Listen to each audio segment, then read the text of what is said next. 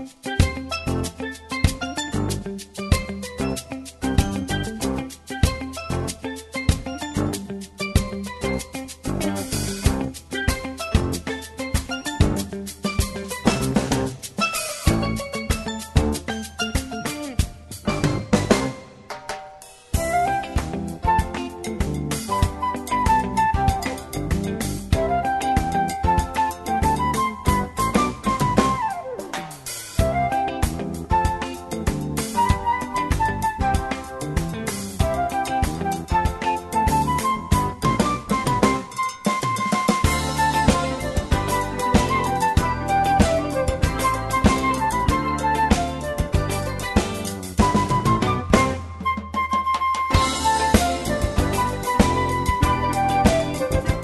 Så skal du hjertelig velkommen til en gjest som er kommet her i dag, Birda Lamhauke, Johan Støtte. Takk for at du sett to jeg til å komme her og i stovene her i Lindene. Gjør så vel. Og her var et løyde prat. Ja, takk.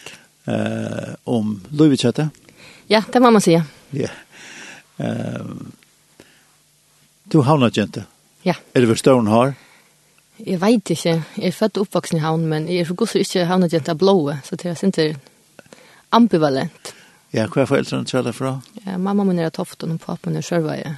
Ok. Men jeg er født og oppvoksen i havn, så jeg er alltid med vera ja. en havnet gjent ja. Serving. Ja, halve, halve Sørvinker og halv, halve tofta, tofta ja. folk. Så det er godt. Det er midt i midten? Ja, det er ok. Det, det kan man godt si. Det kunne det være. Ja. Og... Du var som en vanlig jenta, Tjekko i kommunskolan. Ja, ja, jeg gikk kommunskolen. Uh, husker ikke nekk om jeg gikk i skola, men jeg, jeg halte det godt, jeg halte meg dumt det vel. Det var, det dumt det vel, ja. Det var finast slag. Vi, ja. vi var som det bullali, men jeg vet ikke, det var ok. Ok. Hva er fakt om det best? Jeg dumt det, jeg dumt det generelt vel fag, skrivefag, føres, dansk, dumt meg ulla vel. Uh, evning, dumt meg vel. Landalær, dumt meg ulla vel. Dufrøy, dumt meg ulla vel.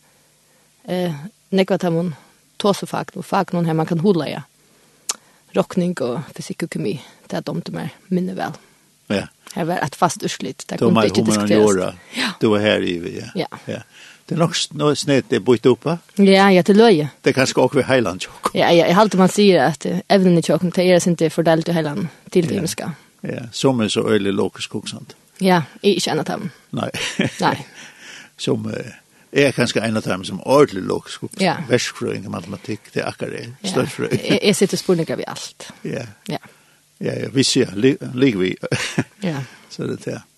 Men så diktøyene, og så du skulle eisen, du har hever eisen forhold til kristendom på et eller annet tidspunkt. Ja, ja, det er jeg. Uh, og jeg jeg er øyelig takk som fyrir til, uh, da hittir atter da. Um, man har ju inte det att hejta av förskan halvtid. Danskar brukar hejta vara kulturkristen. Alltid tar man är kulturkristen i Danmark så är man alltså inte minne kristen en tar man är kulturkristen i förrjun. Hatt det bara min tull att ta i sig året kulturkristen så menar jag det inte negativt i höver. Det är bara att hejta som jag har lärt ta i bionirre att uh, man teker ganska ritualer och ätfärd tillsyn som samsvarar folkekirkene, men uh, innholdet blir ikke så personligt. Og dans, Danmark kallar det oftast folkene for kulturkristen, yeah. typiskt. Jeg genga kanskje i kyrkje ene fra Mare, giftast en kyrkje, døypast og konfirmerast, og tes så te. Ja. Altså man glujer lykke som inn og ut i djøkken familie og så, man, man, man teker egentlig ikke aldri støve til det. Nei. Nei, det, det er bare en parst av løyve. Ja, det er en, en parst av, av, av tjenesten noen, og av, av løyve noen, men kanskje ikke så personligt. Det blir mer rituellt. Ja. Men det er, for motvikkommende, her vill vi øyelig glad for det, det er givet mer et, en øyelig god rammo av fæta heimen, heimen utfra. Jeg er øyelig takk som for at jeg har haft så god vitan om på yppelen og høyest alt. Mot til selja høgt og gjør og hva alt innebär og jål, pørster, kvidsona. Ja. ja, det er rituella. Ja Men det var ikke gale ved mentan, som så. Nei, i behøver ikke.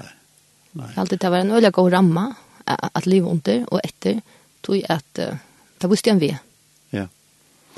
Altså, man, man du er uh, fermt, som det heter, av ja. førskånd, uh, og det gjør jeg sånn egentlig i, i hver bøypen sier om imisk. Ja, jeg elsker ikke engang til prest, det er fantastisk. Ja. Ja. Men, men jeg halte, Og her er det at det var så stort litt. Jeg elsker bibelsøvner og å lære om bibelene, om Jesus og troarjottene, evangeliet. Men, men jeg har kanskje min relasjon til bibelene og til god Jesus Det er inte på samma måte som min relation till mytologier eller färdsöva. Mm. Det var öliga spännande, men jag fick inte noe personligt ut i. Till dömes blev det omgang omgående nämnt. Hoppas jeg elsker gang eller prest, Om vi skulle, at vi skulle ta stöv til hvordan vi tror at Jesus som, som frelser nasjonen, eller ei, Eller den där avgjøren til at personen fyller Jesus. Det här kommer ikke ordentlig fram. og det kan godt gott vara att jag för til en sida. i alle fall, jeg uppfattar det ikke så. Det kan godt være at jeg kom fram, men så är jeg det ikke. Ja. Det er mer en helt utrolig god søve. Ja. Alltså så han, som person var han öle fascinerande. Ja ja, en fantastisk människa på människa på alla matar. Eh men men det som samlades om Jesus. Han fänkar jag jag fänkar jag någon gjorde. Nej. Så gick jag tog in och tog färden igen och i hotellen. Ja. Och började läsa till student. Ja, jag gick och HF. Jag är HF, ja. Ja, jeg gikk HF, jeg har vært nyrre etter skolaren og jeg har vært i Norra. Og jeg teach at et år i Norra, en en gymnasium, gymnasium her og i Ja, det var så tonelage og dans og drama. Jeg fikk ikke faktisk en iverført. Så jeg ville spara tog, så jeg får ha i stedet for jeg får tro gjøre trette av student. Du er ikke tål til student? Nei, jeg er ikke tål til det. det er, ikke ta, det har jeg haft, men ikke ta. Nei. Uh, hvordan var du inne her oppe? Høydelund? Ja. Altså, jeg halte hun var gøy på den måten at jeg kom i alle fall for noen jøkken. At jeg kom i jøkken, vi munner vi utmersker utmärska en jökningsnytt i mån till så är som en stöva vär. Mm. Där man kommer i såna alterspalt, men så händer ofta en utveckling att man, man teker personligt stövet till imestink och man väljer fra. Alltså. Ja. Eh, hur väljer vi kristendom? Vill det valt fra, eller? Jag har inte inte blivit valt fra. Det blev kvart ju valt till eller fra, att jag tog inte stöv till det. Nej, det var bara också det. Ja, ja. Ja. ja så så börjar man experimentera vi vi själva vi vi forskjellige ting. Ja alkohol og andre ting ja. som, som gløyer spekler inn i löjve. Ja. Og där man faktisk också om det. Det er bare akkurat som er ment av nästan. Ja, ja. Det er så han gjort er sin til. Ja, det blev man pass av ungdomslöven ja. alltid, så man kan se det så läs. Och ska ska skicka ett typ som, som negativt eller positivt, så alltid inte så själv negativt. Tog att, uh, jag alltid får inte få några knops av. Mm. Alltså, jag får inte vita kan man ta sig om, man tar sig om bojarmentan och bojarmentalitet og affär och bojen kvätt det är så man vet att det är allt som så fint men det som är så knappt så fint det är att uh, om tälluga som blir hövsinnehåll eller drömmer in för hur livet att mm -hmm. man ska rosa sig för jungsvägen uppnå glädje eller nöjdsam eller för hur kunna vara i en vinnarläge. Ja. Alltså være det kjent, eller ja. en par stout. Ja. Det är så vanligt. Alltså. Ja. Ehm um, så, så skapar en entitet, entitetskris kan reisen komma då. Ja, ja. Du ja. ständer ofta ska finna jag vet du ska färre löven. Ja. Det lattar lattar väven ofta. Tant du väl ganska. Det som är förväntat det, det som hinner göra. Ja. Eller man säger en skon go to flow. Ja. Det skulle så vi vi höjde eller vad hänt så det löven. Jag får nira läsa. Jag får nira läsa Jura först i Aarhus. Det var inte ordentligt är på den måten at jeg mekna ikke gjøkken for oss, sånn jeg var en tunkan lester. Um, så jeg, jeg stekka i her, at når jeg lytte år, så får jeg en högskola og så kom jeg etter. Hva høyskole? Det var, bare en, det var faktisk en journalisthåskola i Rønte. Ok.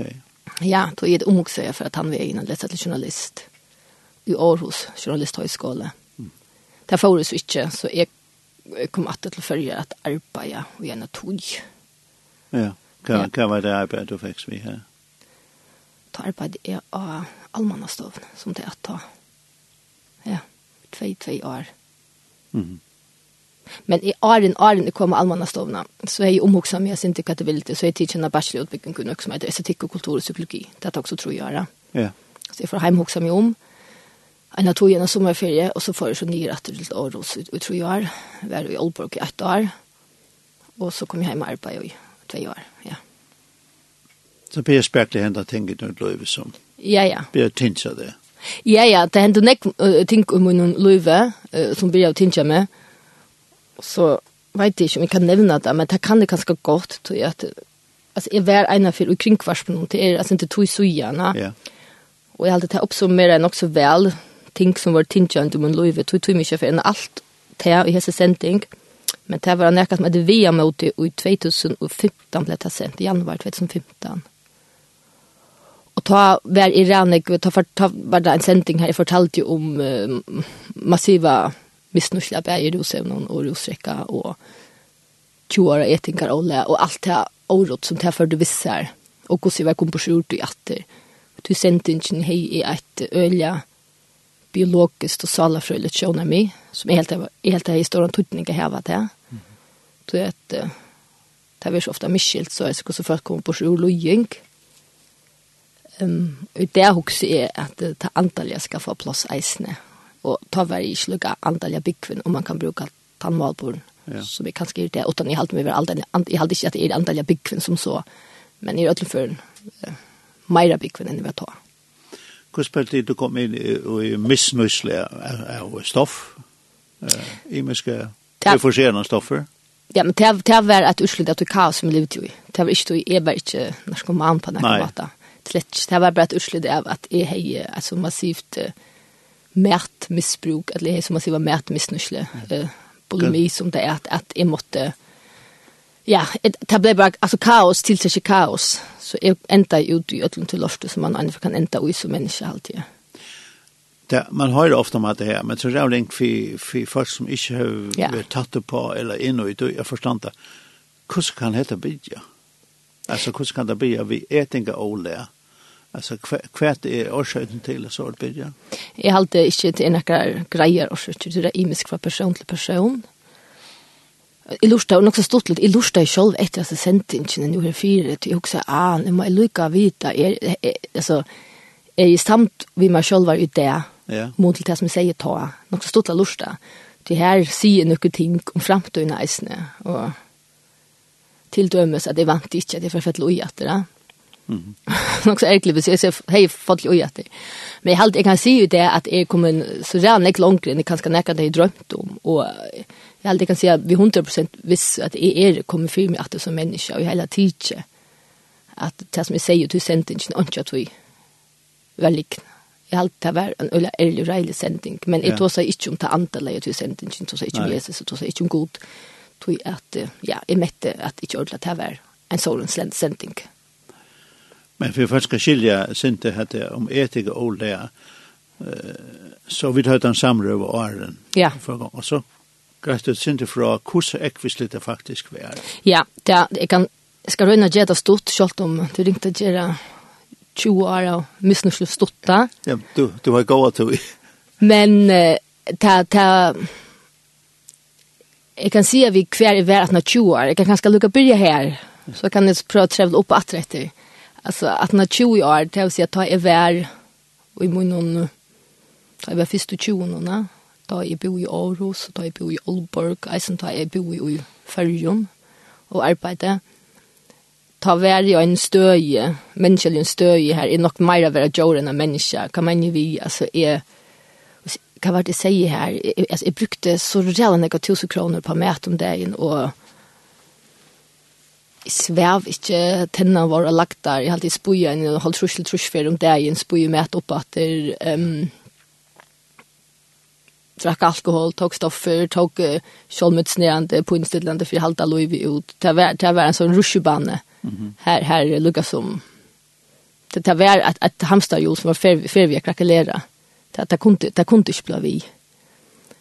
Det det var så ekvisligt att jag hade att jag jag ångte ontrust i mig och hur hur jag just stäcka eller kost alltså. Ja. Hur kan man det? Han tror fram det är en bara ett 1000 kronor med. Nej, det är inte mer, det 2000 kronor med allt. Det är en öjlig. Ja, ja, det är en öjlig. Det är missnuschla. Ja. Eh. Alltså det är sån så festliga nöktande det hänt ett land man föll sig bättre. Ja ja, men ta att när alltså här som är värt när 20 år ta ta välkommen här till att fyra att behöver fungera som människa så blir ju något att ha så missnöjna. Mm. Ta var mot ta mot mat i Uleå på att att min kropp fungerar inte utan missnöjna. I hej är pilka som vi mot mot system att att det var helt för kvackla. Så det blev en underringras. Mm Ja. Du vill inte vara ute i, men för att fungera måste du vara ute i. Och så vinner du på sig. Så fungerar jag ganska 5-20 minutter sen, och så inte två timmar, och så att 5-20 minuter sen, och så inte två minutter. Och så att 5-20 minutter sen, men tar få minuterna är fungerar jag. Ja. Det var tajr. Det var, det var här i det liv, så vanligt som vi kunde. Ja. Det vill säga, där det livet är så vanligt, så knappt det så kommer sån här törven att det eller trångten kan man väl bruka. Ja, det som är avloppen. Alltså, det är en sån massiv trångt här, här till eller er ikke kun til annen enn å bukke under for sångene. Ja. Hvis jeg ikke gjør det så mekner jeg ikke det er i morgen, eller faktisk mekner jeg ikke en gang til neste fem minutter. Det vil si, det, det er akkurat som, det var på samme måte som hvis du var narkoman. Ja, så jeg vil jeg løse mine større. Ja, ja, jeg skal ikke si tåse for ånder, men så er det som er. Ja. Men altså, folk rundt om det sa vel at det Ja, ja, det er så det vel. Og, og Alltså jag vet inte, det är inte så sånn jeg omtalt, men alltså jag, jag vågner bara att jag, jag så inte det att, att jag är något annat än vi är. Mm. Det kan umynda mig till inte av alla det har följt så att det är så länge ute. Både salaliga, andaliga och kroppsliga. Den bröjting som för fram, är hon värande eller inte? Ja. Min kan så säga att hon är värdande, men det kunde lukka gott vi en för det här. Det inte var varande här. I fall och att det missnös där fall fall och att det missbruk. Fall och att det prostitution som vi så ens nämnde och jag sent Ja. alltså dem alltså kaos till till kaos. Där var bara Det var bara skaffa pengar så ja ja det är snus i allt om man skaffa pengar för det en väg i morgon ja.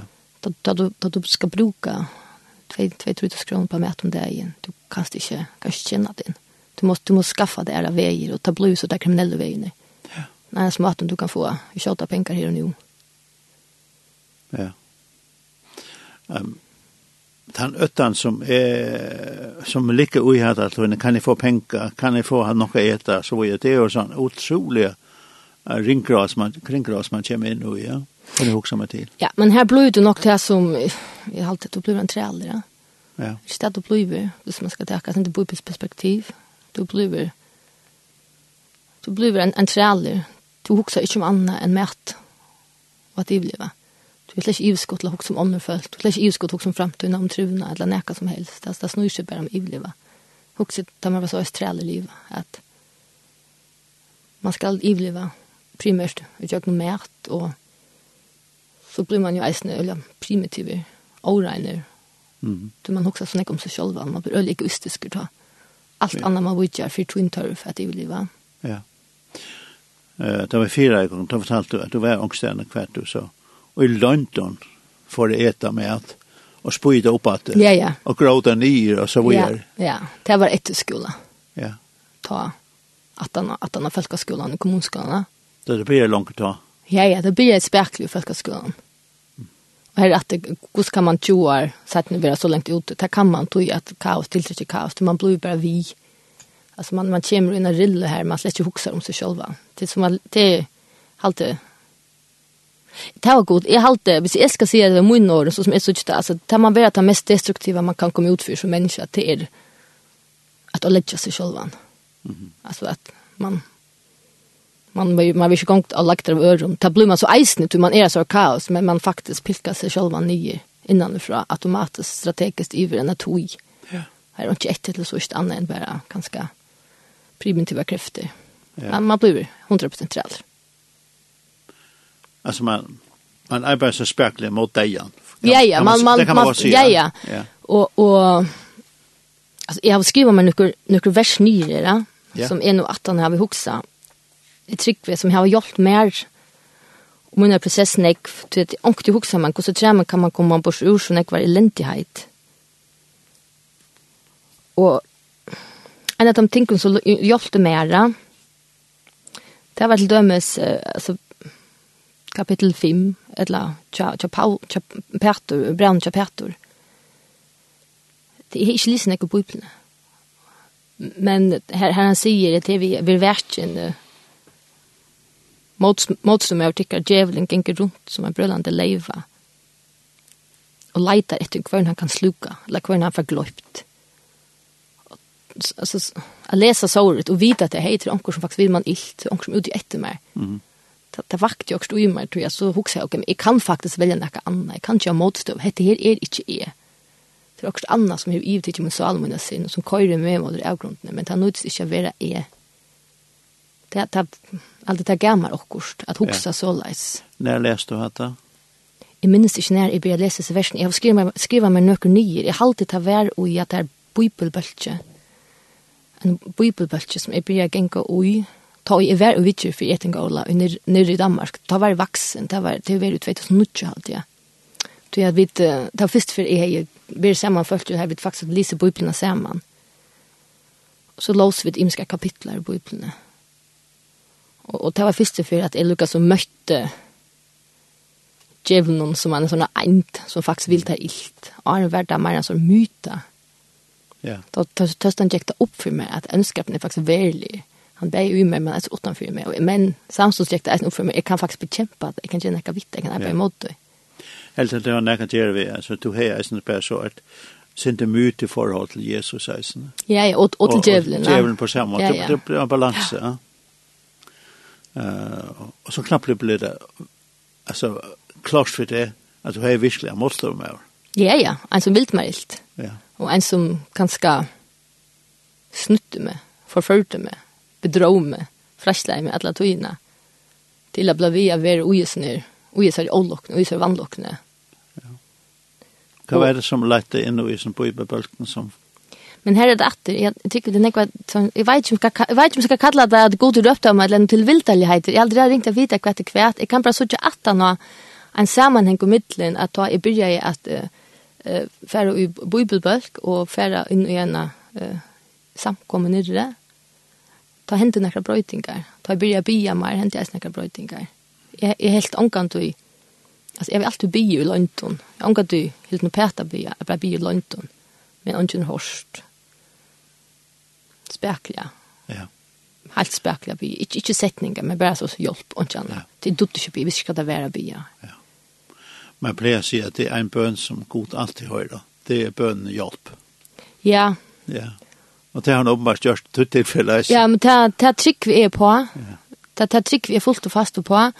Og da jeg så begynner jeg å lese altså, og, i Bibelen om ånden vidskiftet, altså, ikke det at Satan skal fytlese samrøvna, men, men verset i, i første Mosebok, altså kapittel 19, jeg har skrivet meg det nye her, det er et av verset som hjelper meg aller mest.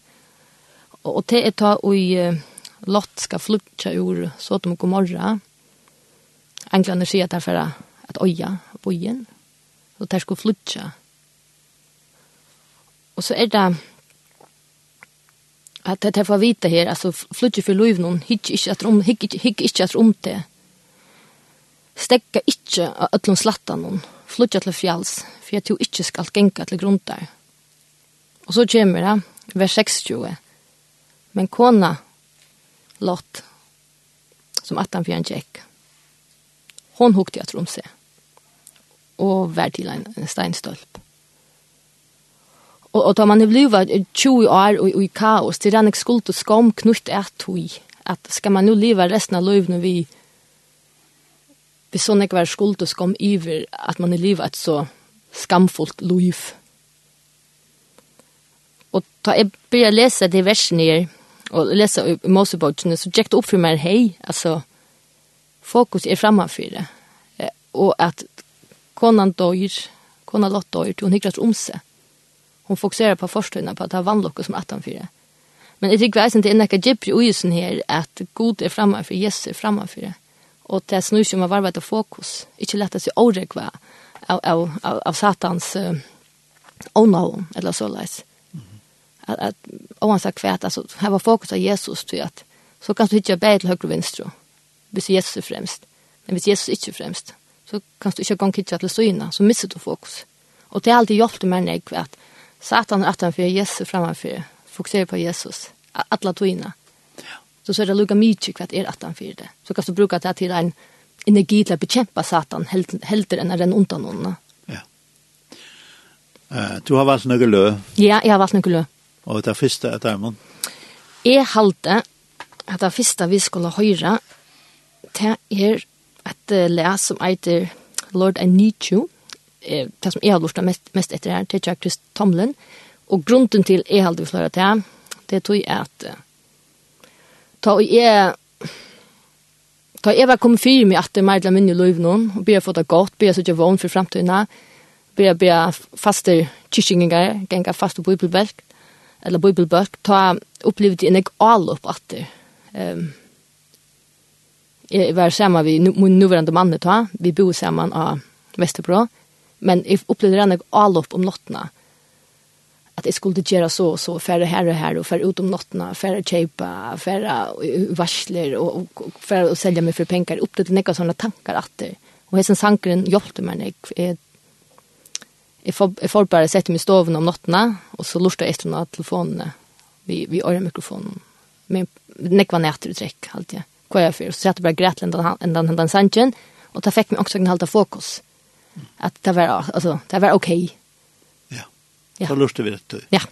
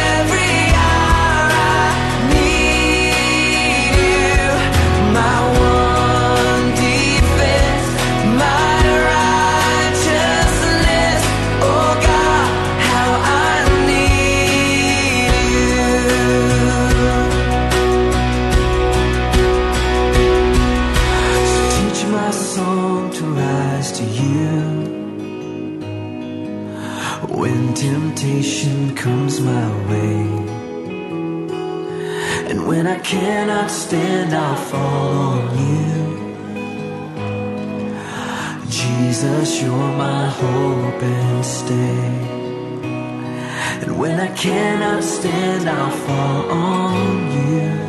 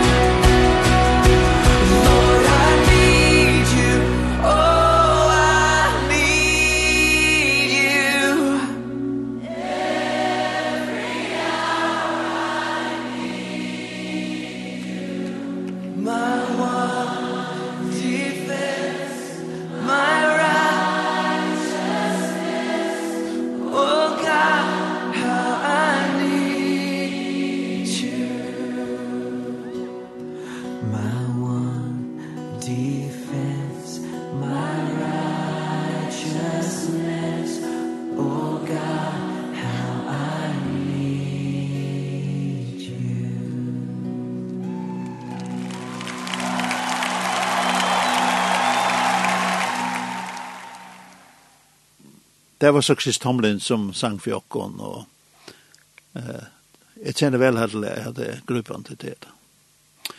Ehm Arne, du kom her til, vi, vi du kom i en, en bibelbalk og så videre. Så hände det noen ting videre i samband med Satan. Hva du faktisk kom inn i og sort eh, Satan til bils. Ja, men det som, det som hent, og det, det var hent lengt årene, ja. og det er her man blir halaver Alltså man kan bli hålla så längt väck från sannligheten att liknen blir den enaste sannligheten som är extra trygg på. Här är det inte annat än likn. Hvis det är inte annat än likn är runt om det så det är inte chanser att finna den ökron. Och ta alltså upp upp emot är en är en för nyer och i 2009 så är jag bo på i Aarhus, jag bo i Aalborg och Jeg, jeg vet ikke hvordan det er til. Jeg, här, jag vet inte hur det är för till kvärt Men mot luva så kaotiskt att jag blev bara drin att myskren hon. Jag blev drin in i satanska bölkar, drin in i satanska kyrkje, alltså drin, drin in i ett, en av er som virka i öliga lukrativ och öliga go. Tog att uh, det blev presenterat som om att uh, jörn är go och vi tillbyr jörna och kroppen och Så nek sex som möjligt er gott, og man skal ikke skamme sig sin sexualitet, att et er gott, alltså allt som är äta till, till allt som är äta, lukar som är äta nökta, kyrntjene, blev upphävja. Medan god ble satt som den verlige öntepersonen, som är sånn tyranner som ville kontrollera och styra människan och egentligen ville jag kunne ta illt, medan Satan, Lucifer, ble satt som Jose, ombararen, han som ville hjelpe oss å rette alle, fortelle oss hvordan så går vi egentlig var, og at vi selv skulle nok klare etter hette Loivi her, som vi vet ene forheva. Og at god rundt jeg stjeler det fra oss, vi har fortelle oss vi var sintafotla. Mm -hmm. Så her, alt ble ment høtt, alt ble vent vi. Da man finner så bare det vi tøyne, at det fører til destruksjon, og så ikke enda, det fører kaos visser. Og jeg, jeg trykker, jeg, jeg vet ikke hva jeg skal si om det, altså jeg trykker bare at Här är det att den mytologiska figuren om Satan. Den största likten han ju har sagt är att han inte till. Och det är ganska näck som, här, som är du här. Och är väl eisen här för att du inte är Uh, Jesus var cool. God är okej okay, och Satan är inte till. Sådana här flöskeholsar. Kjoldgjörda flöskeholsar som... Jag, jag vet inte vad det kommer ifrån. Och jag tycker att det är Satan som, som korrar där och Jakob. Man inte det. Ja, men, men ta är så bra för det bättre och, och det gick upp för mig att här är verkligen önska på att spela och satan är lika så värlig som god. Lika så värlig som god är satan. Lika så önter är satan som det blir sagt och bibeln. Här är det inte gott att hämta och det som jag alltid gör allra mest aha upplevelser netto vi då jag öntar att det är att till sköldan man ja alltså till till sköldan man vill förförter ved att man får blekka på bant i anlite. Det kommer alltid uværslige, sniltislige, uilet ju i godlok litor, presentera som näka gott, som näka väkors, som näka som du skaffar ett ut og inte vill heta gott för det. Och då man så hever ett ut og en av tog, så finner man det också god det egentligen är. Så Tog ska man fokusera på Jesus ja. og ikke gjøre om sig. Ja. Vi skal ikke gjøre satan. Uh, Tog, nei, jeg halte ikke. Men vi skal være pura grei at han er veldig. Ja, og veist du kvärt? og, og, og her er, altså, det som är mestligt jag mer det er kanskje det at det det versene i Bibelen som har hjulpet mer mest det er vers som nevner satan. Jeg vet ikke hur det er det men det er det bare. Og jeg halte at det er nekka gera vi at det geva mer mot försjon till att kämpa emot den ökron. Tui att uh, det uh, altså, det måtte være akkurat ønt som som fikk meg her som er värd Det var ikke, jeg ville det ikke, jeg ville det omgang du kom så lengt ut som jeg gjør det. Og et vers var nemlig at det er vi første Mosebok. Og så er det verset vi, vi Peter, da han, han sier, han skal være Jesus, nei, nei, han skal drepe det. Og, og til det her, og i Matteus, uh, jeg har skrevet det nere, kapitel ja. 16, um, Men han vente seg av og sier ved Peter, «Vik at romme satan, du er mer til avstøyd. Du hukser ikke om det som god hører til, men det som menneskene hører til.» Og her er det etter for at romme, akkurat som jeg så til meg om morgenen, for at romme satan, vekk, flyte, flyte fra, fra min skjønnami, eller fra, fra min fokus. Ja.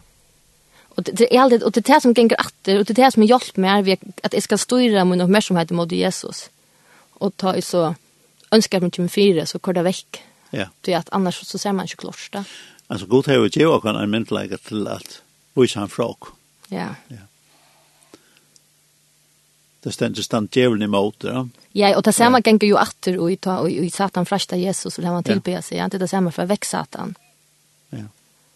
Och och ta som har vi haft det där avskan om hjärtat. Nu tar vi bara satan all in här. Så kan vi vara liv i han det, det er nettopp hit, vers, et annet vers eisene. Den parste av fjallapratikken helt, ja. Så Jesus, det heter så Matteus, kapittel 6. Ongi kan tjene tveimun herron. Ja. Til anna kvart heter han annan og elskar annan. Etla helter han seg til annan og, man, og vannvirer annan. Tid kunne inte tjene god i mamman. Og mamman, tid kunne inte tjene god i mamman. E, og jeg halte at jeg tante 100% mamman, med på min løyve, allt snus om, om att lukka som nökta törver, biologiska törver och materialisme. Och ja, att det alltid att, att det är bara så jävla gott och det som är älskar vi just nu i versen och vi här satan vi nämnde eller här Jesus lukka som sätter tingen upp i en spos till är nettopp att han gör det enkfalt. Vi tar inte till det att säga att vi snackar svart och kvitt så, så är det å, å reflektera så är man inte noe noe ansere over men, men Jesus er veldig einfalt. Han er ikke noe angserer. Antler man går, eller man ringer, antler man heiter, eller man kalter, lunkar, det gonger ikke an. Mm. Anten til man mammon, eller til man god. Du må ta henne støv. Ja. Og det er alltid er øyelig motiverende. Det er fantastisk. Det er helt fantastisk at man kan det. Man kan ta en støv, man kan velge, man kan bruka som vilja til å velge. Ja, og til takklig, at takklig ting å velge. Det er helt utrolig. Ja. ja. ja. Og mer alt dette er ganga fysiskt en løyve, missbruk og så videre, så, så leser du allikevel. Altså, ja. her sitter jeg som har størst spørsmål, tenk, hvordan har du klarat det? Ja, løyve, det går hvor er, ja. Ja, men allikevel. Ja, men jeg vet ikke hvordan jeg har klarat det. Jeg trykker at det som har hjulpet meg til mellom andre gode relasjoner, og, og eller ikke alt, alle er ikke så gode, men det er verger. Og jeg vet ikke hva, hva snur, snur kristendommen seg om, hva snur Bibelen seg om, og snur til mitt land om her relasjoner til andre. Ja at vi samfunnet vi kan annan. Først vi god, og så vi kan annan. Jeg vet ikke. Jeg, jeg kan bare si at uh, om man sagt lengt ut i vær, så har vi mekna utbyggingar og arbeid og, og familieløyv og, og, og vinnerløyv. Og, og det er alltid, jeg, jeg er jo en sted her, jeg faktisk finner ikke alt i nærkant jeg har by om. Jeg finner ikke alt jeg har by om. Det er bare ikke kommet til møynatøy, det kommer til godstøy. Det kommer cirka 20-15 år for sent og måned til, at jeg vil det yngst, men, men det er her. Men det helt han aller helst ikke. Nei. Han altså, tog ikke akkurat tog. Nei. Det må man nok si.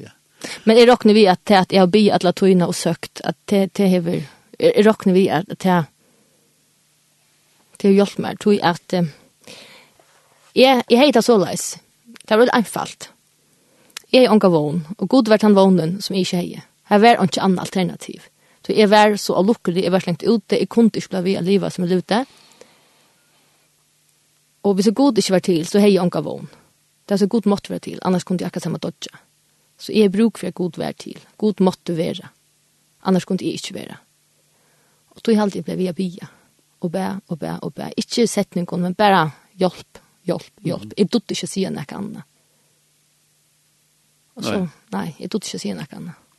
Uh, ditt bønnerliv har jo, er jo sjølvsamt. Du fortalte meg at uh, Sjalt at du var langs nere og du orsker ikke nesten høyre til en ekne rødt, så kom det en walkman og fyr øyrene og sier forfra, og så bæt du, ja. innan, at du bæt, og du skulle sikker på å ikke høre det. Ja, jeg måtte ikke høre hva det sier selv. Nei.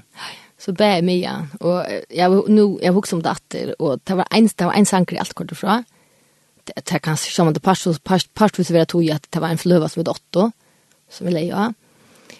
Men det var det var sangen til Metallica som heter Enter Sadman, og han snur seg nettopp om Abia. Mm. Ikke, vi ser det en god sang på tannmaten, men, men her er det, her sier han jo et av verset som alltid de bruker da i Amerika, England. Now I lay Now I lay me down to sleep. I pray the Lord my soul to keep. If I die before I wake, I pray the soul my soul to take. Ja. Så det var forfra, og så bet du ja. tøyne bønene. Så bet jeg mine bøn underes ned. Ja. Du vet, jeg visste ikke om jeg får livet eller dodja. Ja, men jeg bet bare om hjelp. Jeg har ikke nekka særlig velformulere setninger. Det har jeg bestemt ikke. Og det er utrolig, som man er i tilstand, for hvordan, god det er, altså, visen er, Rolaisen har den bøn. Ja, det må man sier. Ja, han har den bøn. Ja. Og gjør alt det her. Og fryer det ut. Ja fra, fra Og sjalt at du var inne i at her faktisk uh, Lucifer til bian faktisk. Da heit du lukka vel eisen noen ting vitt det som, som ja, ja. tykker det at Ja, ja. Nei, nei, jeg får ikke helt, jeg har en, en løyvløyne atterut. Men jeg har angstene for attertil. Ja, ja. Du har vært lært rett som vi skulle høre Ja, det er lært som vi nu skulle høre Det har vi valgt over at lære som heter Waymaker. Og grunden til jeg valgte det leie, til at det var et leie som er datt av, nek var skjettene, enda jeg var vidtjer, det var et leie som er datt av i 2016. Da jeg tror at uh, mamma skulle dodja. Det leie helt meg oppe.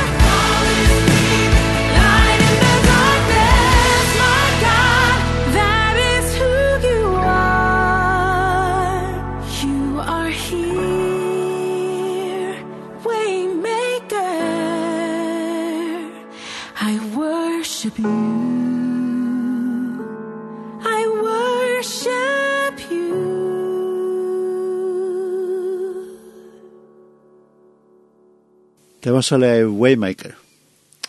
Um, du nevnte uh, Beintarns spaltlei, du sier meg om du skulle dodja. Men skulle ikke ha fært du at hvordan du møtte mannen til det? Filip. Ja, Filip Jonsson Eliasen. Ja. Hvordan møttes dit? Hvordan hittes dit? Vi hittes helt tilvildelige. Vi hittes... I... Så kallet tilvildelige. Ja, så kallet tilvildelige. Vi hittes ja. i Førjehusen og i Kjeppmannahavn. Vi hittes til her... Uh, vi først kunne danse. Ja, jeg var, jeg var limer i fototrekk, og han begynte at dansa vi. Til først kunne danse. Vi var jo snikk, vi var en 20-15 folk som dansa, og først kunne danse sammen. Så begynte han å komme til dansen eisene, dansa sammen vi åkken. Ja. Så hendte jeg også her, ikke på denne veien. Uh, jeg vet ikke, det som er interessant vi hånden alltid er til er, vi alla virring för hur han är som personer utan att utleva han på några mat att det är att ta i mötte honom så det alltid är att Eva Lucas som av ut ur munnen kaos och han var ganska sent mer i i kaos på sin mata Och vi inne i kaos ganska. Men han han var sent mer ut han var nästan väl ut men vi var Lucas som bäge sent kaotisk. Ja. Ehm så ja vi skulle nog vi skulle hjälpa kvar nörden att bli sent mindre kaotisk ser man. Och ta halt vi gjorde med till annan vi söka så känna samkomma som vi, som vi bär vill då kan gå i. Jag tror att någon jag har felaktigt fokus, jag felaktigt samkomma då, jag felaktigt tro då. Ja. Det gjorde alla mån. Ja, det var samkomma det. Det var Vinjard i Fredriksberg. Och i Köpenhamn, ja, Fredriksberg. Ja. ja, det blev det blev akkurat antal hem. Ja. Det det tog när vi bodde nere samman. Ja.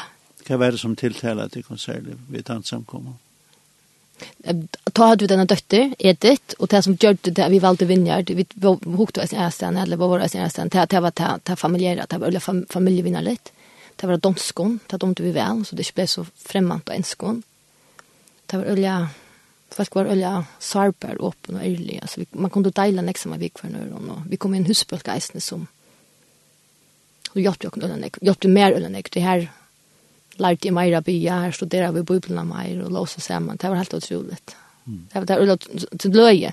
Ta man så bench for bya, som er vi bench for bya, så er det øyla, altså, det er lettere til meg ganske rundt maraton enn at bya herst sammen vi følte. Ja. Men det, det kom i jøk noen. Ja. ja, det var en barriere som skulle bråtas av tåra bya herst. Ja. Og bya for øren, og Jesus, det var enda verre. Ja. ja. Så uh, ser man två samman som, som leite ett ljøs, kan man säga. Jobbet och kvann annan av vi. Ja. ja. Det, det är väl Jesu jag trycker på. Det er alltid. Jo, i allt det. Ja. Jo. Men det var så jävla viktigt för mig. Alltså, jag har inte, jag var, jag har så kaotiskt liv. Och jag har sagt vid mig själva att jag skulle inte ha några partner för den jag stod på mig själva. Och att han partner som jag skulle häva måtte, jag vet inte, tryggvande, eller för en vilja vilja Jesus. Så nu var jag nog färdigt han vägen och jag hade bestämma mig för att det var så jag ville leva. Ja.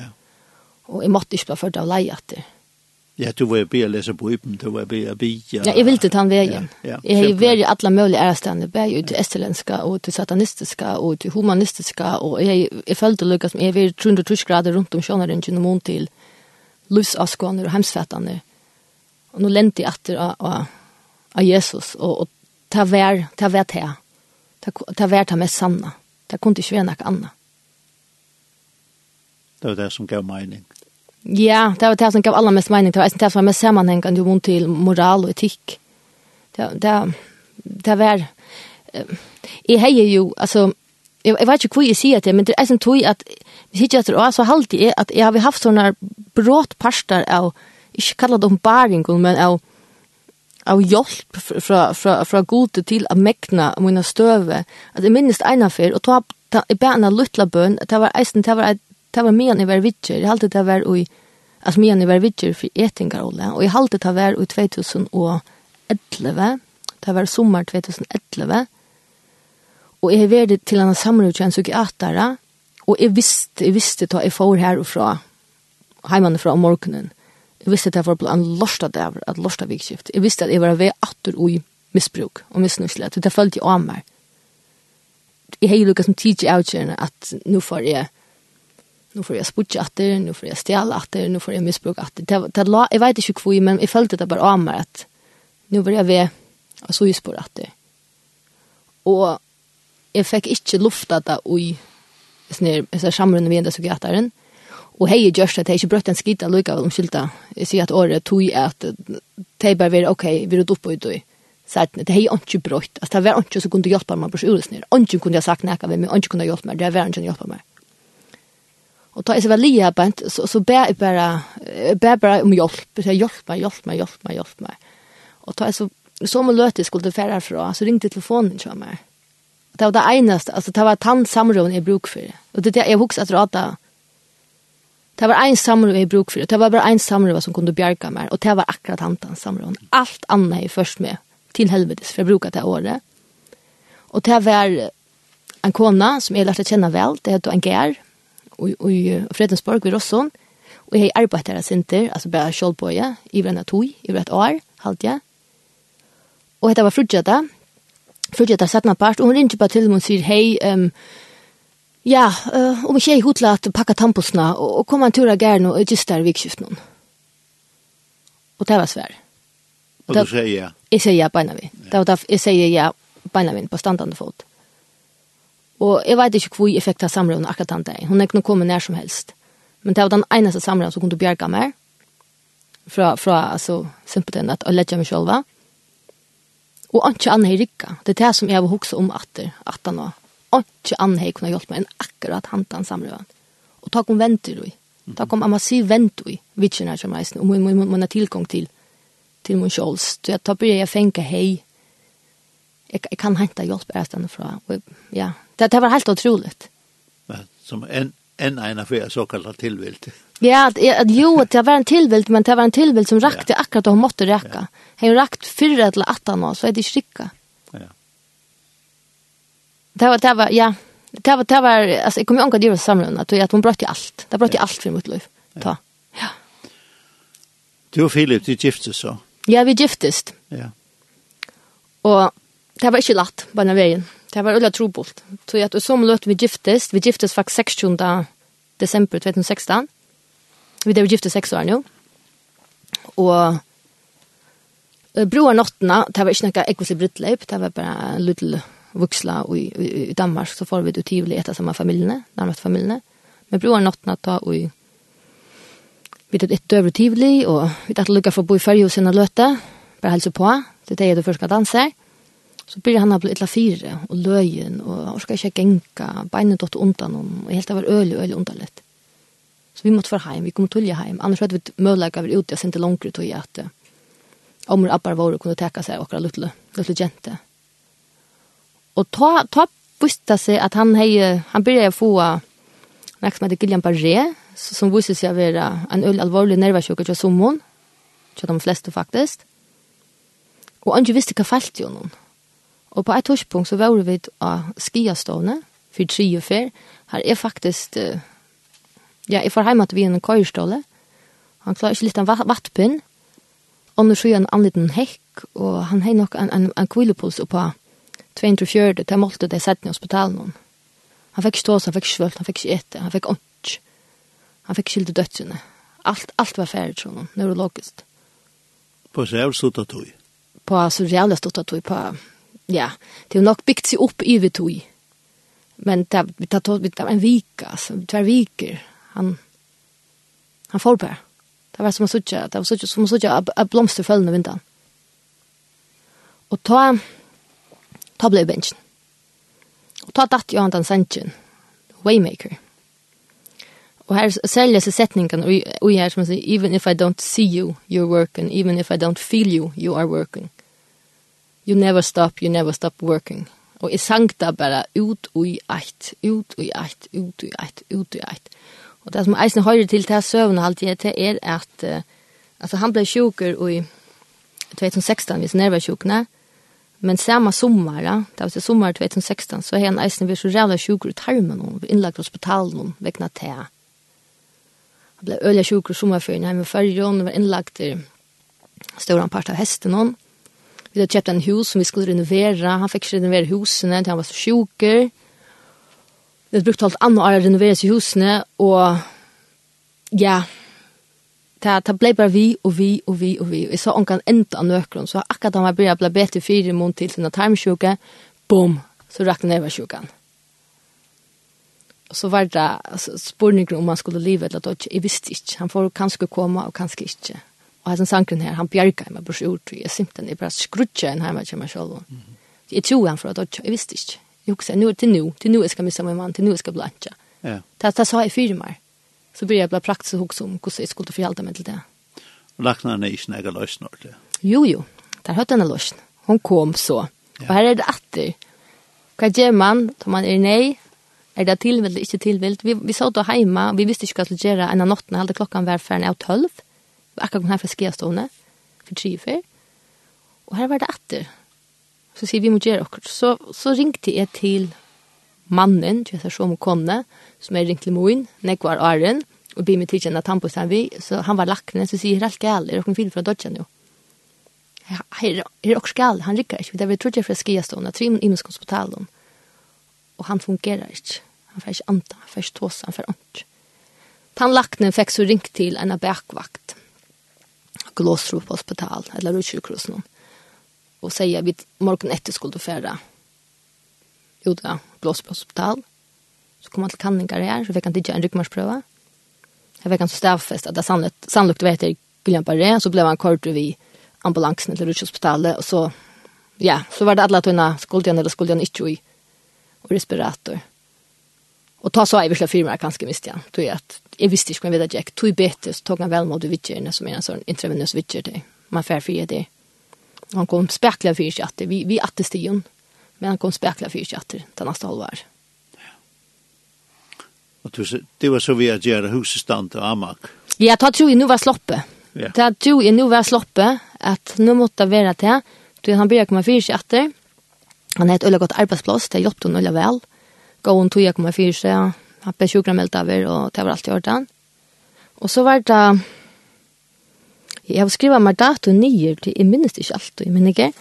Jeg har skrivet meg 3. juli i 2016. Det var månader. Og det er sommerferiene. Det vil si at um, det er samme år.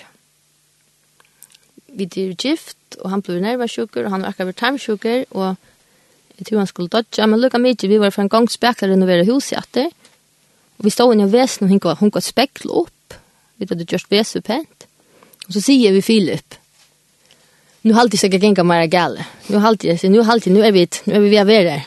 Nu för det blåa bättre. Och och till natten så så brände husen i kök. Vi måste flytta av mer natt. Ja. Ja. Det var löj. Det var ölla löje. Och det som var ännu mer löje, det var att... Uh, här är det att det är tillvänt lite Jeg vet ikke. Det, det var god. Jeg har hukket om det så ofte. Det var sommer, og det var en god daver. Det var hatt, og vi hadde tvær kjetter, og kjettene var frialige. Det var ute. Det var ikke ljå, det var ikke larmer. Det var en god, pen, still natt. Vi var trygg, vi var vel fire. Det var ikke som gjør det at jeg skulle vakna til nattene. Ikke. Jeg pleide ikke å vakna nattene. Jeg et svev, hun svev alltid godt. Hun vakna ikke nattene. Det var ikke grunn til å vakna. Men akkurat til nattene, jag minns hva klockan var, men jeg vet ikke om vi tror kanske, det var, det blev just, det var färre, det var blev just utanför, det var färre blev just. Jeg minns bare at uh, jeg jag huxade eller hørte vakna. Det var, jeg hørte bare vakna, og jeg settest opp i sønkjene, og det er så nesten jeg husker at det var og skalen ut. Og så husker jeg, jeg hukte rundt om meg, Philip svev, Edith svev, her var han ikke gal.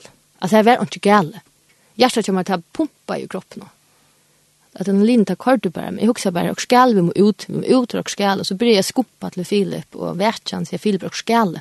Vi må ut, vi må ut och skall. Han visste inte att man vi. Men så fick jag han upp och så får vi upp och så så fänkar jag han till så börjar vi att jag börjar bli lilla fyra börjar sen hosta sig inte så fänkar jag han att det kom som röker upp upp mot väggen och så sitter han till äldre just nu ring och så ringte jag tog ringte etter etter brandväsendet så tog jag ett upp skrikten upp och så får vi ut och hade 5 minuter kanske tjej attarna jag vet vad för en ut ur husen vi bor ett planshus så det var lätt att komma ut ur bete så exploderade i golvet och i och i stovarna allt golvet exploderade här det var en gasexplosion som var hänt i källaren och ta så rättsteknikerna hade gjort såna kanningar så fundar det att det var onkel som var inne i husen och så ett eld i källaren tror i misk stö Og her det var kjent mest eldre. Her eldre var blåset mest opp og var eggvisligast. Her var bant under her som døttrens vei. Og så kan man sjokken. Her var eldre kikna mest. Og han var kikna øle kjøtt på øle stått tog. Men jeg var vakna så mye kjøtt at han ikke er nødt til at fesse ut hver annan. Så det var trodde i mye. Jeg trutje separater eldre. Og jeg vet ikke hva jeg skal huske om til prøven. Det var godt, annet enn at jeg vet ikke hvor jeg vakna. Jeg var bare vakna. Og det var ikke grunn til at jeg skulle vakna. Jeg velger trygg at god vekk åkne ut. At god bør vakna. Det, det velger jeg trygg. Og jeg vet eisen at til så at flest folk dodja, da er det eldre om nattene. Man saunar bare inn i det. Ja, det er røyk, altså. Man legger, man legger ikke mest til det. Og det ble eisen etterforsket som en morbrand av det da. Da er det eldre avsetting. Og vi kom til eisen rundt at det eld utenfor huset, fremme for jordtorene. Han eldre var så støkk av ratter. Han var ikke kikkna over. Og her er det da blir enda mer løye, det er at atter og i mun stilla sinne, så hei jeg bygge god om at kvar kom på sjur snusen. Ta i fil var sjuk. Så at jeg orska ikke over ui snusen meg. Jeg orska ikke over ui snusen i bitjeråd noen og ikke ble li og skrur alle stedene til utlikva i meg. Så jeg hei jo munne stilla sinne bygge god om at släppa meg vekk. Kvar meg akkur er stedene. Lov akkur slippe borser fra. Ja Og det slapp vi deisene i åtte måneder. Ja. Så flott vi det natt. Så ble huset bygd opp at det? Ja, det, det, ble, det brente ikke nye. Det ble, Nei. det ble in, at den innvelden, in, altså innvelden ble ropa over Ja. Så det var oppe fra botten til loft. Men vegger og loft, no, vegger og tak og vindu, det var, det var intakt. Ja. Ja. Men til så er vi flott inn at? Vi flott inn at 18 måneder, og det var ikke bare som man sier det det var, det var otryggt för mig, lite natt. Ja. Det låg ju så som ötte kan. Ja, man fann ju angått ut där och kvar. Nej, man fann inte där det var och... Ja, brottliga var ju otryggt i egen hem, ja. Det var ja, oförklarligt. Hur vet jag. Jag visste hur vet men så blev man efter lära. Ja. Det var låg, jag kunde stanta... Jag kunde stanta... Hinner man häcken, jag kunde stanta... Alltså, det, det var ganska... Ja, nu såg jag folk inte, men ja...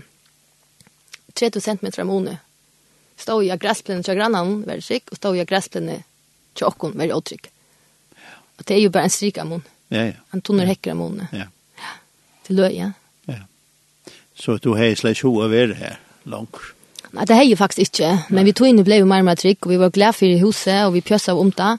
Men vi hade då eisne ambitioner om att flytta till Färjar, till Atlavit. Vi ville gärna pröva att bygga i Färjan och skapa och kunna ett lov och ett hem i Färjan. Ja. ja. Det enda så vet jag flytta heim. Ja, vi flytta hem. Filip han fästar i förra. Han fick fistar av Vinnhögskolan, ja. Ja. Och du har varit som starv där. Ja, jag har starv där. Det arbetar jag bara med att hennes nu i Klaxvik. Och så har vi akkurat varit barsel. Åren till. Och jag fick jag heja ett fall vi starv av Sernam. Ja. Och i havn, Torshavn, Åren, ja. Förra barsel. Som sa Fränker. Ja du flytter hjem, men uh, du har et, et innskje til godt. Ja, man får batna træt. Jeg har et innskje til godt, man får batna træt, og her blir det atter, godt virker ikke så som man kanskje vil hava når virker, men han virker. På mystisk vis. Uh, vi finner Edith, Edith, Edith var halvt anna til å tar giftest. Hon er født, hon er født 25. august 2015. Og så igjen tar vi alt yngst og træt men det var ikke etnast. Så blev jeg, nå skal det fært ut togene, men jeg blev så vi bad, Are fire vi flott heim, det var sett hemma vi var troja sjøene. Innenfor alt annet år halvt, jeg ble tverfør, tror jeg for bad, men jeg miste hver jeg feriene. Og det sørste, sørste for miste jeg ta, og baden var vokset så mye størst, at det skal det som heter utskrapning av, av danskene. Det er en mobidlig affære som er i alle føren. Det er så ikke badene som er bad, om han sa kvar, kvar processen det är. För mig var det att, att drepa ett bad. Det var gott nog dekt, men det var att hacka ett bad sunter som långt var dekt. Ja. Og jeg ble øyla vannbrotten, til jeg seta, graviteten er seta som er bønner svær, så skilte jeg hvor ble vi a missa. Altså, hvor, hvor, hvor lova god man ikke behalte at det var segna badene, så vi da blir sånn ikke om. Og man kan bya, men man kan ikke krevja. Men så flott vi til fyrjar, og vi var komst til sattes vi alltid, vi tatt og ett bad, og det var alltid ordan av en deilig velskapta jente, som god er giv okkon, og mer kunne vi ikke forlanka. Man var glad for det man hever alltid. Det er nok forskjellen for jeg får nekka mer, man setter pris på det som man hever. Takksam for det. Men så, det var, jeg sett meg ultimatum eisen, at jeg ville ikke ha bøtten at når jeg var fjørt. Ikke så gjeldt nekka gale ha bøtten at når man fjørt, slett ikke. Det er bare min grensa. Og det var parsvis en grensa som är det, att jag orskar inte bli via jakta ända den drejmen som jag spelade in Det var uppslutande på perlejet, uppslutande på mer. Det var uppslutande att jag jaxa en drejm som, som inte blev tillnacka.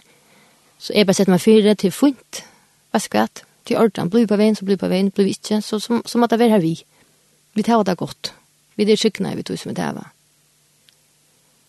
Och jag fyllde 43 april. Och jag blev, ja, jag blev 43 april till en vara. Mm Og så av jolon. Ja. Jeg nådde akkurat å få et baden av treet. Jeg nådde akkurat å bli på veien åren, åren jeg ble fjørre. Og jeg tenkte som, så tre meg bedre til. til. Hvor ble vi akkurat da? Fype, døttene til åkken, som nå er kvart 15 måneder, hun ble født 13. august Og fjør. Vi var 41 til 8 vi var fjörde då fick då blev på vägen igen eller vi baden vi henne. Och jag tror inte för behaltarna. Det att ta jag blev då jag lä mest lever vi baden så säger vi Filip Beger. Nu är det nu tvärs ryker här. Och jag tycker inte för behaltet av badene, då är att vi har spilt något annat. Och den ser inte för lackna, det kan inte ut lackna syra, den säger bara ja, vi får en störst.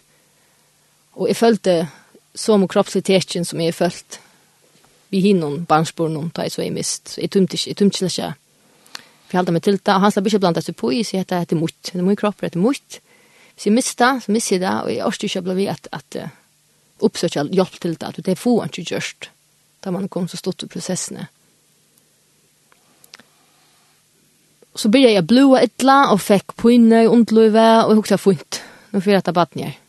Jeg byrja, jeg sier farvel ved badne, og och så kanske jag klarar bild där det måste ja ja jag var olja alltså jag visste inte ordentligt tung. Ja jag var ordentligt längt ner och om ombering för att jag inte klarar varst då ifrån från ja för en omstånd som nu var hänt där eh det att det var mot bad och han sa hur så gammalt det var knäcka viker så var det mot bad det var det en vägen att det var gitt men det visste sig så att um, jag får ut en någon och honom och blötte ytla och blev via blåa och nu kommer det så absurda.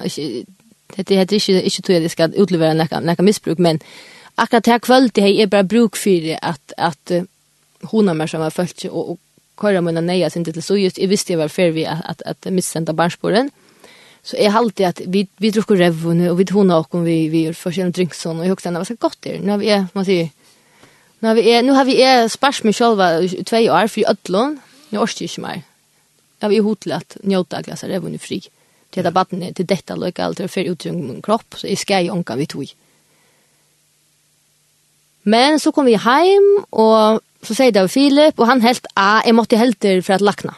Tog jeg til sørste for jeg mist, ta, ta, ta bare kom, som, kom så mye lengt at jeg skulle inn og, ja, det skulle teka resten av baden ut, for jeg trodde jeg ser at det er ikke kompetent, så sørte jeg. Så jeg får lakna, og sier at jeg har mistet baden, og jeg bare kan oss fire om alt er leie, og at alt, alt er borstyr så ble kort ut av landsjukhuset til ultrajøskanning. Og så, så må løte som jeg var sikkert lagt ned køren den ultrajøskanneren av meg, så sier han at her er en unge som spreller fulltrun i bursjonen.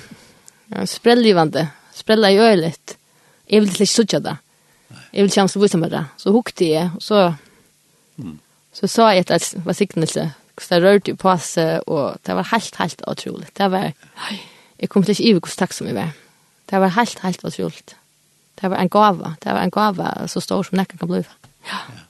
Ja, ja det, var, det var helt fantastiskt. Det var ekna bra så blir allt bär bra. Ja, det var, det, jag trodde inte. Jag synte en tro inte att det var bra till. Och det bär till. Och jag fick gå och jobb från landsjukrossen. Jag gick ut skanningar. Och Föringen var ulla tropol, men det som bjerga med jag kom föringen atter, og her brukte jeg atter versen fra Sotom og Gomorra, gikk fram etter, og ta i Jesus kar satan att om sig minst att i processen att eja i hukte bär efter Jesus. Så Jesus firmar, jag folk säger Jesus till att hon fick inte fotboll som hon fick inte någon kvar illt. Hon ända i kuvös nästan en månad. Men jag har ju bara, jag fick helt inte pressverser. Jag fick bara verser. Og jeg tog tablet så vant jeg mye vi iltingen i tjøyene, og lunken noen halvtid, så ville det tekke av en koppe, og det ville de ikke hava. Så jeg minns det, jeg mente jeg gjør det klart, det var tekken koppen, og Så sa jeg Jesus för så och så sa jag, nu ska hon ut nu. Och Arne var lika klar så vem kom ut. Det var helt otroligt. Det var helt otroligt. Jag mäknade det. Jag blundade bara så Jesus för mig. Så jag vet inte hur Jesus ser ut, men så är som han såg ut som mer. Det var det var kom kommit. Ja. Ja. Hvis vi ska se när så er det akkurat som i beskrivet utan det er ganska mer att här är att uh, och i systerlött Ja, allt är det sista. sysla. ja. Det är av kanten och det är väl ofta. Ja. Det må jag säga. Ja. Eh, ach som säger, nu har inte hjälp på hända, så är det lycka väl. Kom akkurat och syslöt. Ja, och syslöt. Vad är det? Vad är för jag tror jag vann i Kiverier, så hon kom att lycka. Det som du fortalte alla søren, så det så nu uppgav du allt, så är syslöt. Ja. Ja. Bäger du egna löv och Filip ja. och alla människor. Og tog halte jeg virkelig at jeg kan halte fast ved at Jesus eller god er han vånen i selv her. Altså, jeg kan ikke snakke med meg selv. Det tar jeg, jeg har det og ja, det tar, det tar, det er hent okst. Ja. Det vil si, hvis man teker helt fra at du er ung jenta, at du hever, at du kallar kulturkristen, som man sier i Danmark, at du har et godt respekt for kyrkjan og dem og vel, og så til det det är en kolossal brøyting. Ja, men det som hände vid så bröjtningen är det, och det här där blir det inte tro på, det är så otroligt att alltså, alla mina tankar om lysavskåan, om etik och moral och vad det är rätt och vad det är skavt, jag har inte gjort en insats för att bröjta det, att det händer så själv. Och, och det, det kan inte bara hända så själv, utan så att det huxar hela en anden eller Jesus viskar ut på en kramata.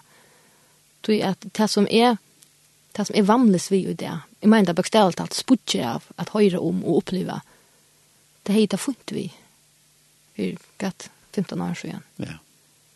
Og jeg heter virkelig funnet vi, det rørte meg ikke. Det, men det er, jeg får bare nesten ilt av det, ja. Ja. Ja. Det finnes et andre sansapparat. Jeg halte det. Ja. Det er, ja. Det er ikke mer funtuna og munn til hva det er rett og hva er skarft, hva er godt og hva er ringt. Ja. Ja Hva er det godt for meg, hva er det ringt for meg? Hva er det godt for mannattene, hva er det ringt for mannattene? Du hever jo en utbyggving som du salafrøng. Så nå bruker jeg salafrøng, vi snakker om salen. Men i du daglig arbeid, så er det vel sagt neisen, og det bevisst om det antallet. Ja, det er det. Men jeg får omgang til at, at, at uh, prakka nekka antall på nekrarna. Hvis jeg om folk upplever att det kan vara en resurs eller öppen för så, så kan man bruka det. Ja. Men för att det prackar något antal på något är för inte, det är synd att jag vet inte, tacka tacka rea av folk eller så. Det är mer en bevissthet alltså. Ja. Att det är fakta i ditt liv, ja. Ja. ja. Det är nog att hugga att om 20 år i missbruk och så eh, nog så bultrar för för komma tatta Jesus. Mamma nog säga. Ja. ja. Så det er ikke lagt. Nei. Så er det, altså, vil du si at det er god hev, han har haft kontroll i vøtten og lykka vel? Selv om du får jokken eller så løyngene. God er kontroll, men jeg har ikke, ja. Nei. Og jeg vil jo omgang du har noe god å gjøre, men jeg ble nødt til at vågne at god være her, annars kunne jeg ikke være her. Det var en øyelig kamp mot til at spotta god och så att god tacka god være her. Og hver för man så spotta god så får man ju ringa samviske du jag visste han är där så Man kører seg så langt og langt av etkene. Ja. Og Jesus vil til ikke høre om. Inntil Lukas, så da blir jeg tråkket seg av. Da kan jeg komme av med. Ja. Ja. Birda, det hendte nok helt selv til en løyve. Da du virkelig fengar jeg at det var tvei makter, den myrska og den ljósa. Og den ljósa har det krossen til. Hva var det som akkur hendte? Det, det, som, det som hendte var at at vi skal spola atru tog. Det var det at jeg var jeg var kommet rævlig vel fyre med bare salalige, antallige og, og kroppslige. Og jeg har lukket som sleppt eh, tog jeg lekkjent til parten av munnen løyve, tog jeg lekkjent til atfer som jeg så nekk for har haft. Men så begynte jeg å alle på å komme atter det. jeg sier avlopp, så mener jeg ordentligt mycket tankar, mye gerinter altså ho, en, en, ho, en destruktiv ho til at, at leva et øl, øl, destruktiv og leggjande liv. Samma slag av livet som jeg leva før. Vi, vi bæger, altså, stoffen og alkohol og sexuell olevna och, och smakkriminalitet och, och liknån och alltså ett orkla orkla orkla destruktivt liv och, och packa in i SNI att, att för ett vissa själva vi vi ätingar ola och allum tog som som här hörde till. Och jag visste jag ville inte att det till det. Tog jag att ta för att lägga mig. Det tar för 100% att drepa mig. Jag kunde inte leva, leva så att det bättre inte till. Och jag heter så gott nu Men det tar toa i uime. Altså, det ønta toa i uime, og toa i uime, og toa i uime. Og jeg følte ikke ordentlig, jeg har kontroll av meg selv. Jeg følte ikke at jeg var noen jeg og, og, og til å stande mot det, hvis dette ble vi. Så du virkelig var, det var ordentlig, ordentlig grei i at det var tvei makter som, som stort som ditt liv. Ja, jeg var så rævla grei i at hette var nekka som lep av meg, tog det kom alltid om nottene. Det kom alltid om nottena ta det var frier, ta jeg og, og ja, må nu min nuvarende medvel og svåe. Da kom leip av meg midt om natten, jeg vakna jeg, og jeg fikk fri at jeg for opp, og jeg tjekk, og jeg rønte jeg lort etter lovsåndje, uh, lort etter en sannsyn og lort etter nidjo, jeg og Krist Tomlin lort etter henne i flere timer ute i eit, og, og men lort etter sannsyn hei fri, men det er alle oppne kom alle tøyene, alle tøyene, alle tøyene. det kom nesten alt vi om natten. Og så er som som sier at ja, satan er vært om nottene, jeg vet ikke hvordan det er, men det kommer alltid om nottene. Det ble vi å komme, og jeg visste simpelthen ikke hva jeg skulle gjøre. Jeg visste bare til at hvis satan ikke åtte meg, så måtte jeg eier, annen eier meg. Hvis det andre ikke skulle eie meg, så måtte det være også bedre, en, en, en, bedre, en bedre alternativ. Og jeg visste at, jeg visste hva frelst, at, at folk var frelst, jeg visste, visste ikke hva det var, men det var ikke et hotek som, lukket som jeg var vanlig, eller som jeg kjente til, Men det som jeg visste, det var Jesus for krossen. Og man tek mot sin egna kross, eller tek mot krossen for jeg fyllte Jesus. Og visste Jesus var Jose, og visste jeg at Jesus var sannhet som er om livet. Det visste jeg. Men jeg følte meg bare ikke noe trygg av Jesus. Så det, jeg spekulerer i øyes ned, ølene, hvordan trem, hva skulle det gjøre, og jeg visste ikke hva det gjøre. Jeg, atle, jeg visste ikke om jeg skulle tatovere smiley, annet av kroppen av meg, eller skulle det gjøre har man kan lövlinje vad skulle jag göra för jag vita att Jesus åt mig det var simpelt hen så skinklot det var så jävla skaiv och veik och in i mig själv var följt jag ta och där blev Lukas som värre ju värre så kom det i mig av nottena. då var alla som var öliga stor det var så krossen för mig krossen krossen krossen och så okej okay. jag får köra en kross i mig själv Kvifer jag köra en kross i mig själva Hvor får jeg ikke tatovere en kross i meg selv, tog jeg franskjere en kross i meg selv, tog så får jeg et arr, og så vet jeg at jeg er Jesus av baden, resten av livet. så vet jeg hvor jeg er med. Og også eisen, det kommer til å være verdt. det kommer til å være verdt om å ordne ønta. Då jeg tar jeg fer i vast, og da jeg blir veik, så må jeg vite. Så jeg setter meg nye, et kvöld, det var en hest i alltid, du vet, som fyrstan. Det var ikke drama i vi tog, det var ikke panikker, det var ikke nekka. Sette meg helt rolig nye og kort rolig en tolnek fra. Tok en gåan knøy fram og be skjera en kross spekla i armen. Inntil at det var no djup til jeg huksa helt, nu, nu, nu fyrir det være et arr. Det var, vi skulle til hava et arr, vi skulle til hava en kross som vi kunne hitje etter, som vi visste, det var mye krosser, det var Jesus, Jesus var eit og mer, jeg var eit og Jesus. Og det var ganske øyelig absurd, i øyren og øren, men det var ikke løy ut i overhøver. Det var pura fria litt. jeg var pura klar i høttene, det var ikke drama, det var ikke kjølskjent i utøy. Og det var det jeg gjør det. Og det er det som jeg har vært min lei til Jesus alt mot liv, hun har vært pura absurd. Det kan ta mest absurd å gjøre noen, det er absurd å støvne, det er det som er først, for, først med rett rette lei. Og det som jeg ble så jævla glad om, nå da vi har haft disse samrøvene, det er at det tjekker ikke opp for meg, for en, hva er det, ja, var en jål alltid at det var ta jeg tog avgjørende. Det var til natt eller til kvølte. Jeg vet ikke, heldig klokka var tutsi om kvølte eller også. Det var til kvølte. Jeg tog avgjørende om jeg fylte Jesus resten av løyvene. Det nødde ikke opp for meg. Og hvor gikk opp for meg, så jeg her fire jøl, så fikk jeg en, en rikve av, av åreg atter om nottene. Her kom det atter, her kom nottene. Jeg, jeg vakna, jeg trodde jeg nært ut trekk midt om nottene, og så en kross for meg. Og jeg visste ikke hva det som krossen betydde. Det er bare sånn, han ok, altså ikke en tydelig kross, men han oklarer kross, han er så rett skjer, han oklarer krosser, han rei skjer, jeg ble vi, jeg ble vi, jeg ble vi. Og så får jeg opp, og så gikk man til så klare han, og så det som jeg ofte gjør i hitje armen til meg, og så sa jeg den krossen, og så kom jeg tankar om hatt det krossen. Du tar, jeg gjør det med en reier, du tar var snakk blå om. Og Jesus bløtt jeg krossen. Og så gikk det opp for meg at den krossen som jeg har skåret meg selv var ta, det gikk opp for meg nå, Arne Jol. Det var ta et tag mot Jesus. Men jeg visste ikke at du ta. Det nu jeg visste at du. Og det var så rett fantastisk for en dag tog. Så hun sa, ok, nå, er, nå vet jeg at jeg var rett og gjøre det. Jeg ble mynt av det etter. Jeg fikk ikke fri. Og da det gikk opp for meg, så sovna jeg etter. Det var helt utrolig. Ja. Jeg tror ikke jeg kunne ha sånne opplevelser. Nei, men det, men det var liksom, det var siden vunnet. Uh, jeg hadde også opplevd at det er myskre, det, det er liksom bakka bare fra det. Nei, jeg behøver ikke. Nei. Det bakka slett ikke fra meg. Tvers mot det. Men jeg ikke tenkte alt på samme måte. Det vinner ikke av meg. Det er ok, det må gjerne være det. Jeg vet hvor jeg er med, jeg vet hvor vi er ferdig, jeg vet at Jesus er med. Ja. Jeg vet at Satan for aldri vet for meg at. Satan, er, det er min ønte til myskre, og det er ljøse til, til Jesus. Ja. Så, så det er sånn, løse på ypen til reisen. Eh, God ser vel ljøse. Og han sang det er bare godt da. Men det som jeg fann ut av ta, var så eisen til, og det var jo det jeg gjør det, at etter jeg var skåret krossen i armen, og, og 100% gå til dette, for jeg behalte resten av løyvnen. Så visste jeg ikke om jeg skulle vente. Jeg visste hva jeg skulle fokusere. Så jeg fokusere på krossen.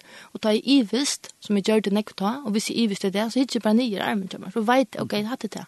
Hatt det avgjørende du tid, Det er han som venter du skal vente. Fokusere på krossen. Det er Jesus. Og det er at det er vi at satan leper av folk, ofte at han er fra. Eller fra syne, spekler, spekler, ja. Ja. Men det måtte Jesus er fram etter. Jesus er fremme for. Jesus er ved noen sannleggen livet til han tar vi inn i skal. Og jeg halte bare at det blir klarere, klarere, klarere. Mm. Det vil si at du hikker ned i krossen som du har skår i armen, så, så, så kan du si Jesus er hjemme. Det er det som jeg gjør det. Jesus er hjemme. Det er det som jeg gjør det. Du er ikke det her. Det er akkurat det som jeg gjør det. Ja. Og hvis jeg ikke føler det, så sier jeg bare, du er med Jesus. Ja. Gjør så vel. Ja. Hette det. Takk meg som er, ja. Ja. Og hese øntmakten vi ikke har noe som helst vi gjør. Det er slutt, det er livet. Så som hoksa du har sagt hans. Ja, og jeg har jo bruk for å vite. Ja. Jeg, jeg, jeg, jeg har bruk for å vite hva jeg utgjør jeg tidser. Og så langt med livet, så vet jeg hva jeg utgjør jeg tidser, og vet hva jeg er med, og vet hva vi er vente. Ja. Og hvis jeg er, så hittir ni. ikke og stikke opp at. Vida, takk for at du vil komme her i dag. Det gjør så vel. Det er en, en grubant søv du har fortalt dere. Og man sier, da jeg sier for det, så vidt jeg på det, så sier jeg en sterk kvinne i her, som jeg vet jo ikke, nek var røynt, og i løvnen, og sier og som er førreisen, før det var ja, til landet. Jeg håper det. Jeg vågner til det. Jeg var, jeg var kanskje eisen bare at uh, jeg vet ikke om jeg kan bruke nekka til nekka, men jeg tykker ikke jeg god tvinka nekka til at teka mot Jesus. Det er personlig vel. Vi tar hva fralse til å velge. Ja. Vi kunne alltid velge Jesus fra, hvis vi vilja. Men på alle andre tørsmål tykker vi var nødt til å teka henne av, teka henne støve. Ja. Og jeg var bare til at jeg, jeg tok test avgjørende, jeg tok test støven, ok, god, jeg er Jesus er til, jeg må frelser, jeg tykker ved Jesus, du er svimmer, jeg tykker ved at det, så, så blir jeg tenker brøytast. Ja. Eisen er mine Det Her, her, her hender noen ting som ikke er å forklare annet enn at også annet enn er og andre mennesker har vært en par av det. Jeg lente så har du lært vi skulle spille. Ja, hese for å være føresle, og hvor velger hette, tog jeg heter en solmer som har, ja, vi er veldig god for meg på en egen måte. Ja det er gakt å trykke frem og gående trøste. Ja.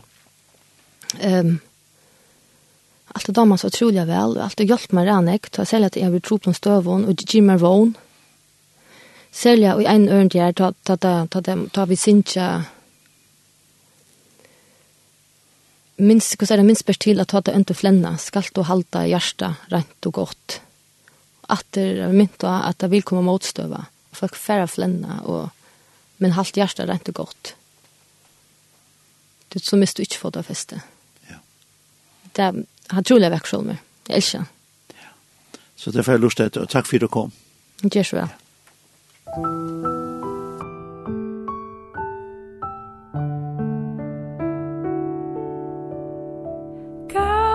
Du tryggur fram vi gåum tröster